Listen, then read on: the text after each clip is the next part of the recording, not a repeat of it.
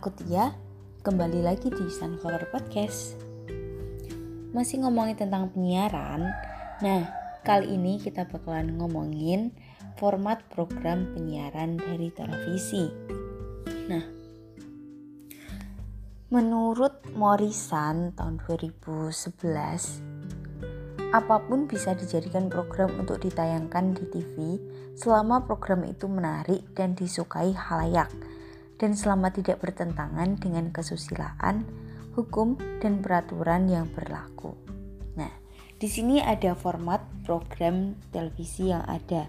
Yang pertama ada hard news, yaitu semua informasi penting dan menarik harus disajikan oleh media penyiaran karena sifatnya harus segera ditayangkan agar dapat diketahui halayak secepatnya.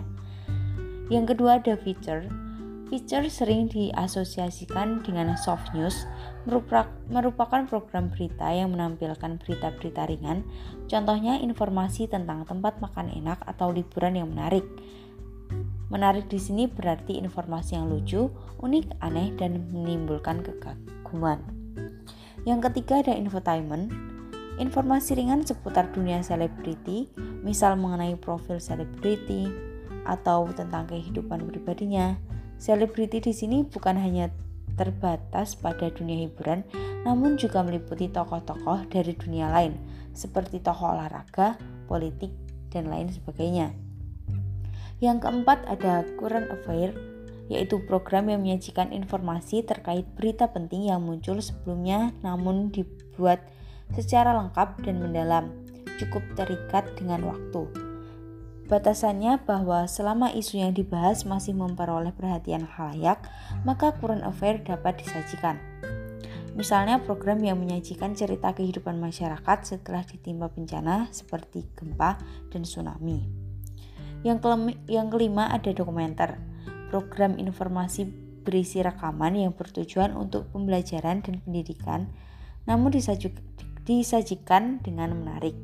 Misal, menarasikan suatu tempat, kehidupan atau sejarah tokoh, masyarakat atau kehidupan hewan di hutan. Program dokumenter ada kalanya dibuat seperti sebuah film sehingga sering disebut dengan film dokumenter. Yang keenam, reality show, yaitu program yang menampilkan suatu peristiwa berlangsung apa adanya, natural tanpa skenario. Yang ketujuh, yang ketujuh ada talk show, yaitu program yang menampilkan satu atau beberapa orang untuk membahas suatu topik dipandu dengan host. Yang diundang merupakan sosok yang berpengalaman langsung dengan peristiwa atau topik yang diperbincangkan atau ahli dalam masalah yang tengah dibahas. Yang kedelapan, di sini ada drama sinetron dan film.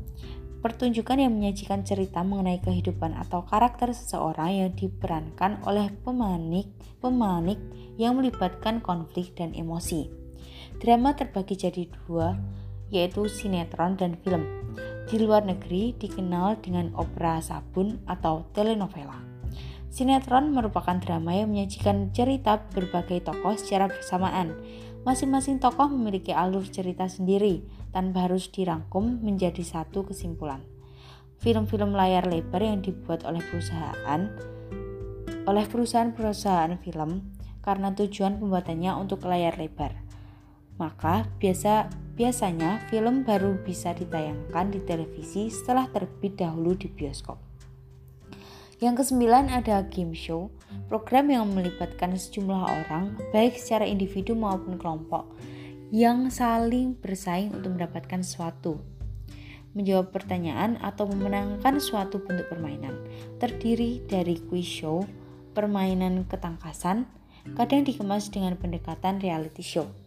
Yang ke-10 ada musik. Program musik dapat ditampilkan dalam dua format, yaitu video klip atau konser, dapat dilakukan outdoor maupun indoor. Program musik di TV ditentukan dengan kemampuan artis yang menarik halayak tidak saja dari kualitas suara tapi juga berdasarkan bagaimana mengemas penampilannya agar menjadi menarik. Yang ke-11, pertunjukan yaitu program yang menampilkan kemampuan seseorang atau beberapa orang pada suatu lokasi baik di studio maupun luar studio. Uh, sekian podcast penyiaran pada kali ini. Semoga bermanfaat. Terima kasih sudah mendengarkan.